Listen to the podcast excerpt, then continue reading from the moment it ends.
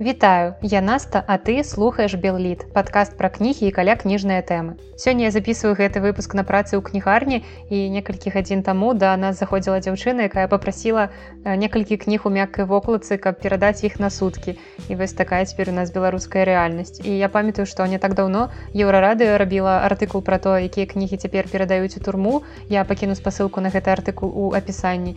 А я неяк распытвала пра кнігі ў турме людзей, якія ўжо прайшлі праз суткі напрыклад мне рассказывалі што ў камеру перадавалі працэс франца капкі і я задумалася якая ж гэта страшная іронія. Просто максімальна крыпова чытаць на сутках па артыкуле 2334 кнігу якая пачынаецца наступнымі словамі. Хтосьці відаць узвёў паклёп на йозефака бо не зрабіўшы нічога дрэннага ён патрапіў пад арышт Але сёння я не буду записывать выпуск с подборкой топ-5 хітовых кніг у беларускіх турмах у 2020 годзе. Мы пагаворым пра касмічны нон-фікшн, пра кансумерызм у бачанні партугальскага нобелеўскага лаўрэата, а ў канцы я адкажу на некалькі пытанняў, якія атрымала ад вас ад слухачоў. А таксама хачу вельмі падзякаваць усім, хто падтрымлівае гэты падкаст з дапамогай данатаў на Яндекс кашылёк. І спасылку на яго вы знойдзеце ў апісанні да кожнага выпуска. І гэтыя сродкі мне дапамагаюць, напрыклад, штомесяц плаціць за платформу soundcloud на якой уласна і захоўваюцца выпускі гэтага подкаста Таму дзякую усім можна сказаць спонсорам А цяпер мы нарэшце пяройдзем да кніг Уявіце што вы разгарнулі кнігу ўспамінаў рэальнага чалавека і ў першым жа абзацы ён распавядае пра тое як робіць клізму Я лежал голым на боку на столе в ванной комнате клиники летной медицины НАСА и засовывал наконечник клизмы себе в задний проход. Вот так и начинается процесс отбора астронавтов, думал я. Ці сталі б вы чытаць такую кнігу далей? Хаця тут яшчэ пытанне, ці будзеце вы далей слухаць гэты выпуск, калі я такое цытую. Амерыканскі астранаўт Майк Малейн не шкадуе чытачоў сваёй кнігі верхом на ракете возмуцительная історія астранавта шатла. І з першых старонак ён задае высокую планку шчырасці, якую утрымае да канца, каб мы адразу разумелі, з кім маем справу. Гэтую кнігу я прачытала яшчэ ў жніўні і магу назваць яе найлепшай кнігай жніўня. І нават у топ гэтага года яна дакладна трапіць. Таму што гэта найкаштоўнейшыя ўспаміны чалавека які ўдзельнічаў у праграме space шаттл і калі вы цікавіцеся тэмай космасу то я гэтую кнігу вам горача рэкамендую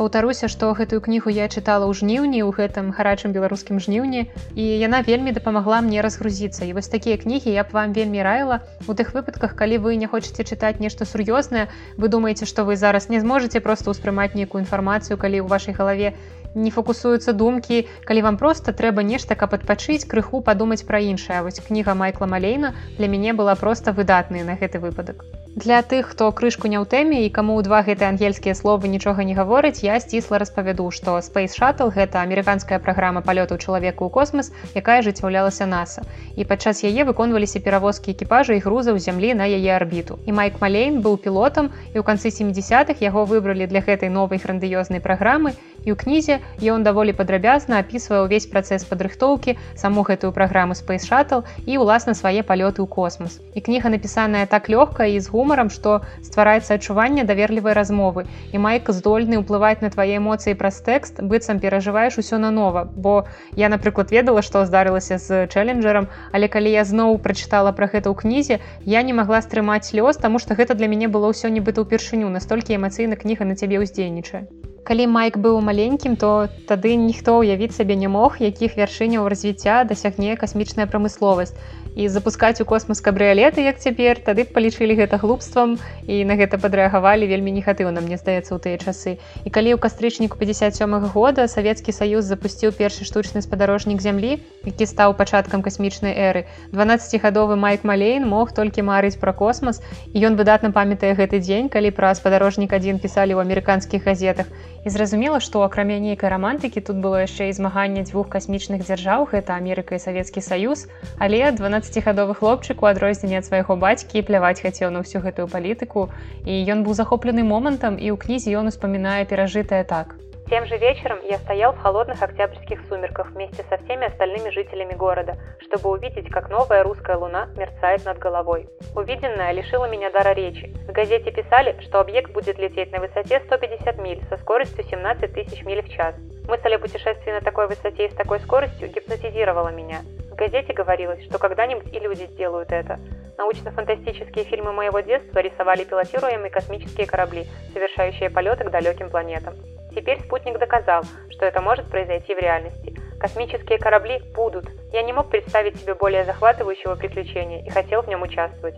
Я хотел полететь в космос. Таким чынам у дзяцей з'яўляюцца мары і майк нарадзіўся ў тую эпоху калі хацець стаць астранаўтам ці касманаўтам калі вырасціш было даволі модным. І мне здаецца што дзеячы космасу нашага часу робяць усё магчымае каб вярнуць дзецям гэтыя мары каб яны марылі стаць не блогерамі рэперамі ці спайдерменамі а астранаўтамі у гэтую кнігу ты пагружаешся так глыбока нібыта і сам сядзіш у адным з шатлаў чакаеш старту які ўсё адкладаецца ты нервуешся і думаеш як гэта табе зручней схадзіць туалет бо вельмі захацелася.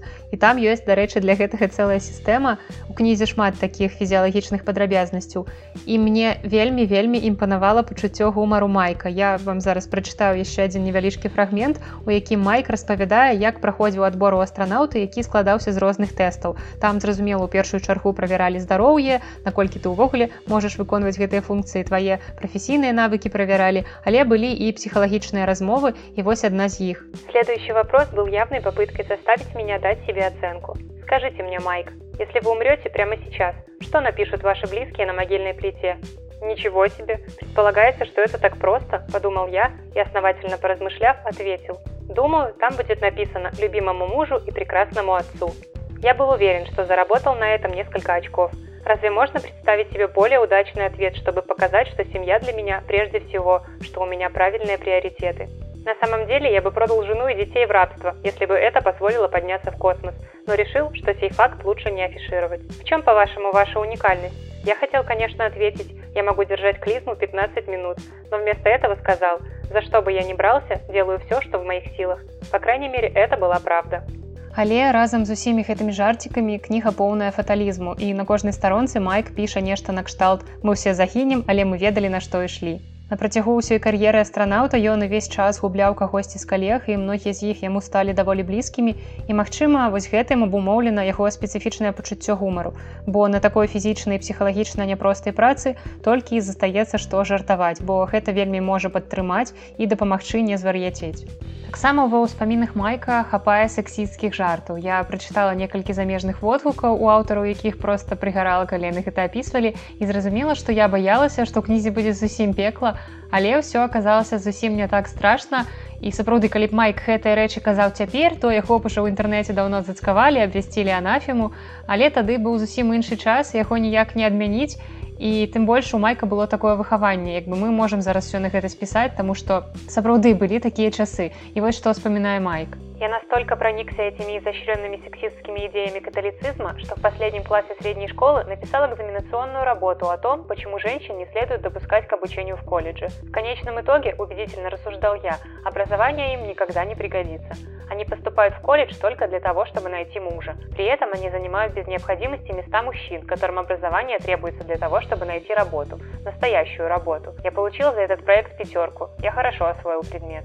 Мы ж не можам вярнуцца ў мінулае неяк адмяніць выхаванне майка але галоўнае што цяпер ён адчувае у кнізе ён вельмі часта пра гэта піша ён адчувае наколькі непаважлівымі былі яго выказванні і не працягвае цяпер у гэты час гнуць сваю лінію. Ён вельмі цёпла піша пра сваіх калег жанчын і не на кроплю не сумняваецца ў іх кампетэнтнасці.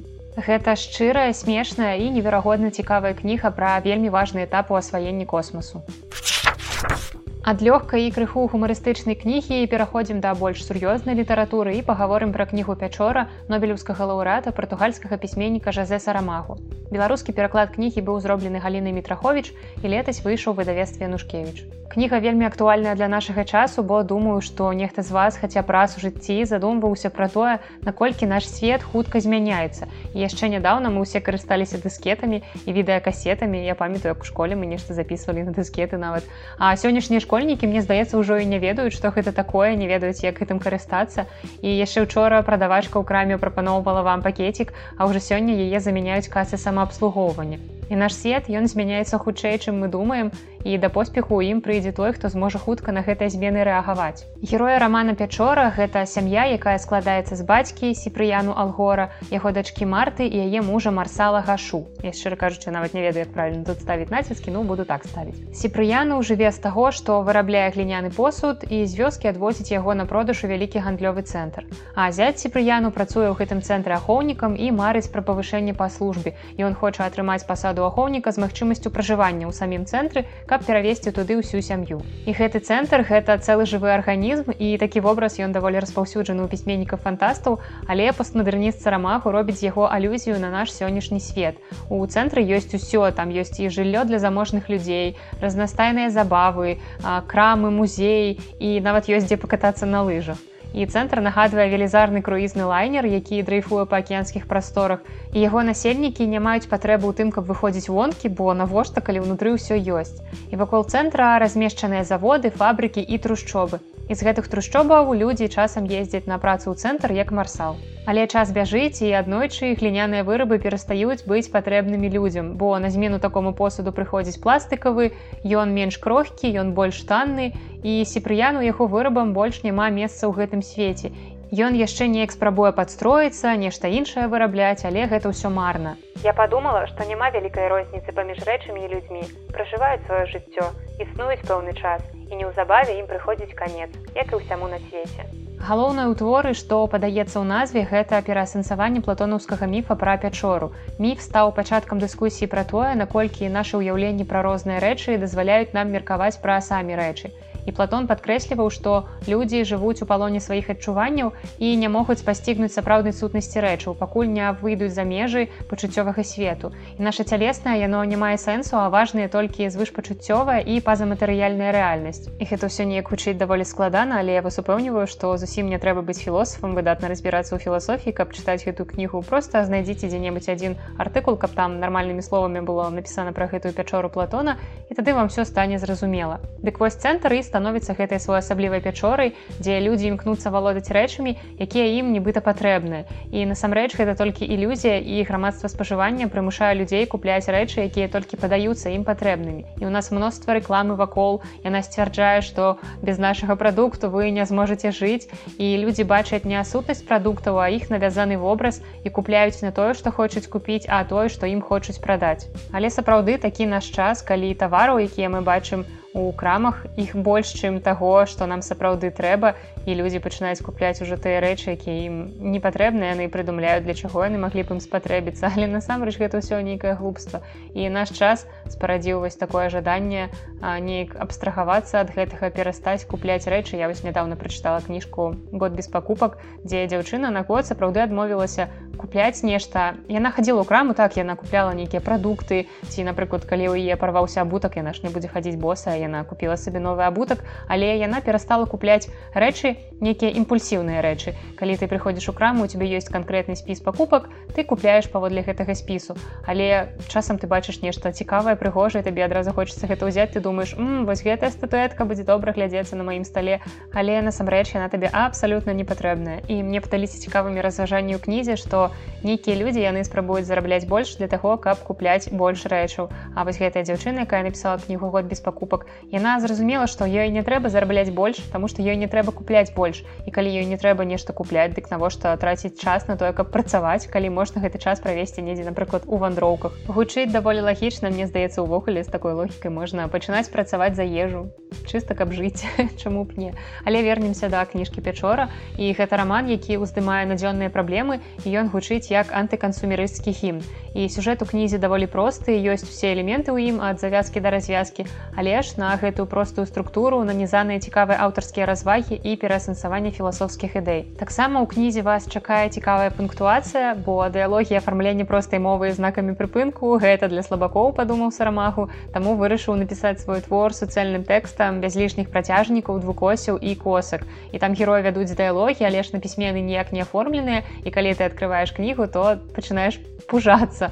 Але гэта такая разыначка аўтара, яго стыль вельмі пазнавальны і чытаць твор адно за задавальнення з творчасцю сарамаху я ўжо была знаёмая па кнізе слепата таму ведала што ў сваіх творах ён заўжды ўздымае даволі сур'ёзныя тэмы і гэты раман не стаў выключэннем. У ім ёсць філасофскія развагі пра сувязь традыцыі сучаснасці але ж мне здаецца што пачынаць знаёмства з гэтым аўтарам не варта з пячоры. Вось слепату якраз я магу вам параіць для пачатку а пячору прачытайце ўжо потым але калі вы ўжо знаёмыя з творчасцю сарамагу то думаю пячора вас не напужае а У нас засталося яшчэ хвілінак 5 да стандартнага часу аднаго выпуска падкаста, таму я адкажу на парачку пытанняў, якія прыйшлі ў Google форму. Спасылку на яе, каб задаць свае пытанні, вы можете знайсці ў апісанні да сённяшняга выпуска. А сеня пытаецца, якая беларуская кніга самая самая папулярная за мяжой. Ну я не магу сказаць за канкрэтную кнігу, але дакладна адна з самых папулярных сучасных беларускіх аўтарак гэта Святлана Алексеевич і зразумела што немалую ролю ў гэтым адыграла атрыманне нобелеўскай прэміі але мне здаецца і без яе пісьменніца была даўно вядомая за мяжой і не толькі на постсавецкай прасторы. У рассіі напрыклад чытаюць бахарэвіча і марціновича іх кнігі траплялі ў спісы намінантаў прэстыжных расійскіх літаратурных прэмій накшталт большой кнігі. І было неверагодна прыемна бачыць у вядомых расійскіх кніжных блогераў сабак Еўропы бахарэвіча. І яшчэ больш прыемна што яны сапраўды чыталі гэтую кнігу і ацанілі яе належным чынам нават нягледзячы на немалы аб'ём гэтай кнігі. І таксама нядаўна Альгерт даў патрымаць у руках англамоўнае выданне яго кнігі дзеці алендаркі. Таму самыя самыя з беларускіх аўтараў яны актыўна выдаюцца за мяжой хаця б на такіх папулярных мовах як французская, ангельская, нямецкая ці польская, нават руская, украінская. І таксама на постсавецкай прасторы дагэтуль чытаюць і любяць быкава, шамякіна, караткевіча, Але праўда часцей гэта людзі старэйшага пакалення, якія памятаюць гэтых аўтараў яшчэ стаюзных часоў з маладых. Зараз як мне здаецца ў трендзе Саша філіпенко але наколькі яго можна лічыць беларускім аўтарам гэта пытанне. Але пісьменнік цікавы і прыемна што ён асацыюецца з беларусю. Некалькі гадоў таму ў Львове бачыла украінскія выданні кніг наталкі бабінай і валерыя хапеева але ж бабіна яна якраз мае непасрэднай сувязі з Украінай і на гэтай мове напісала свой апошні раман бадай будка нядаўна гэтая кніга дарэчы выйшла па-польску і якое ж у гэтага выдання цудоўнае афармленне. Я вельмі выбачаюся перад стваральнікамі вокладкі украінамоўнага выдання але яно вельмі прайграе польскамоўнаму. І калі вы можете прыгадаць якія яшчэ аўтары ці канкрэтныя беларускія творы папулярныя за мяжой то пішыце пра гэта ў каментарях я абавязкова агучу гэта ў наступных выпусках І апошняе пытанне ад Марыі яно не зусім літаратурнае, але калі зірнуць глыбей, то да літаратуры мае непасрэднае дачыненне, як мне здаецца. Марыя пытаецца, як пачаць размаўляць па-беларуску ў штодзённым жыцці, калі не ўпэўнены ў сваіх ведах. І на гэтае пытанне ёсць адзін універсальны адказ просто пачынайце. І мне здаецца нават варта ўспомніць тую легендарную цытату олега трусова кандыдата гістарычных навук які 18 гадоў узначальваў таварыства беларускай мовы. Лупіце на трасянцы казаў трусаў. І вядома ж многія пасля гэтага інтэрв'ю у 2013 годзе пачалі закідваць яго камянямі але я лічу што немагчыма дасканала вывучыць любую мову у вакууме а потым просто выйсці на прастору і пачаць свабодна на ёй размаўляць. Вось вы сядзелі год з падручнікамі вы нешта вучылі чыталі чыталі пісалі а потым выходзіце і нібыта гэта ваша родная мова ліецца з вуснаў і добрае валоданне мовай гэта такая штука якая прыходзіць толькі з паўсядзённай практыкай пачніце размаўляць сябрамі зрабіце які-небудзь дзень на тыдні калі вы будете камунікаваць выключна па-беларуску. І калі спачатку у вас будзе атрымлівацца трасянка нічога страшнага мне здаецца ніхто ад гэтага не памрэ. І многія нават гэта робяць сваёй фішачкай пішуць кнігі і спяваюць песні затейливый мотив. Ты по-прежнему жестока Я по-прежнему і не бойцеся што будзеце рабіць памылкі бо як бы банальна гэта не гучала але не памыляецца толькі той хто не жыве. І напрыклад дзеці яны калі вучацца гаварыць то яшчэ не ведаюць што такое памылкі. Вось вы таксама станьце на некаторы час дзецьмі і просто размаўляйце. І чаму я ў пачатку сказала што гэтае пытанне мае непасрэднае дачыненне да літаратуры бо менавіта з дапамогай кніг можна пашыраць свой слоўнікавы запас і да таго ж у інтэрнэце зараз хапае розныя тэарэтычнай інфармацыі. Нагугліце той жа сайт мова на нова і чытайце артыкулы. І калі у вас ёсць матывацыя то варта адкінуць свой страх. І калі нехта блізкі будзе смяяцца з вашых спробаў то трэба задумацца ці варта ўвогуле з такім гаўнюком камунікаваць. Просто памятайце што ў нас мала хто ад нараджэння гаворыць чысцютка па-беларуску. Не саромцеся мне здаецца што гэта самае важнае. Каб вы разумелі для чаго вам гэта трэба і просто размаўлялі спадзяюся што хаця б крышачку змагла вас натхніць. Памятайце што пачаць ніколі не позна і зусім не страшна Нагадаю, што ўсе важныя спасылкі вы знойдзеце ў апісанні да выпуска. І буду вельмі удзячная, калі вы напішаце нейкі водгук на падкаст у тым выпадку, калі слухаеце яго праз Apple подкаст, каб ён там падымаўся вышэй у рэйтынгах, каб як мага больш людзей маглі даведацца пра яго. І таксама пішыце каментарыі, пішыце водгукі, мне вельмі важная ваша зваротная сувязь, таму што яна дапамагае не толькі рухацца далей, але яшчэ разумець, у якім кірунку ажыццяўляць гэты рух. Таму пішыце, просто пішыце, пішыце, я вельмі рада, вельмі заўжды рада чытаць вас. Нехта піша ў каментарях, нехта піша мне гэта прыватна і гэта заўжды неверагодна прыемна. І вось все, я ўжо тут нагаварыла шмат, таму на гэтым я з вами развітваюся. З вами была Наста і падкаст Белліт. Да сустрэчы.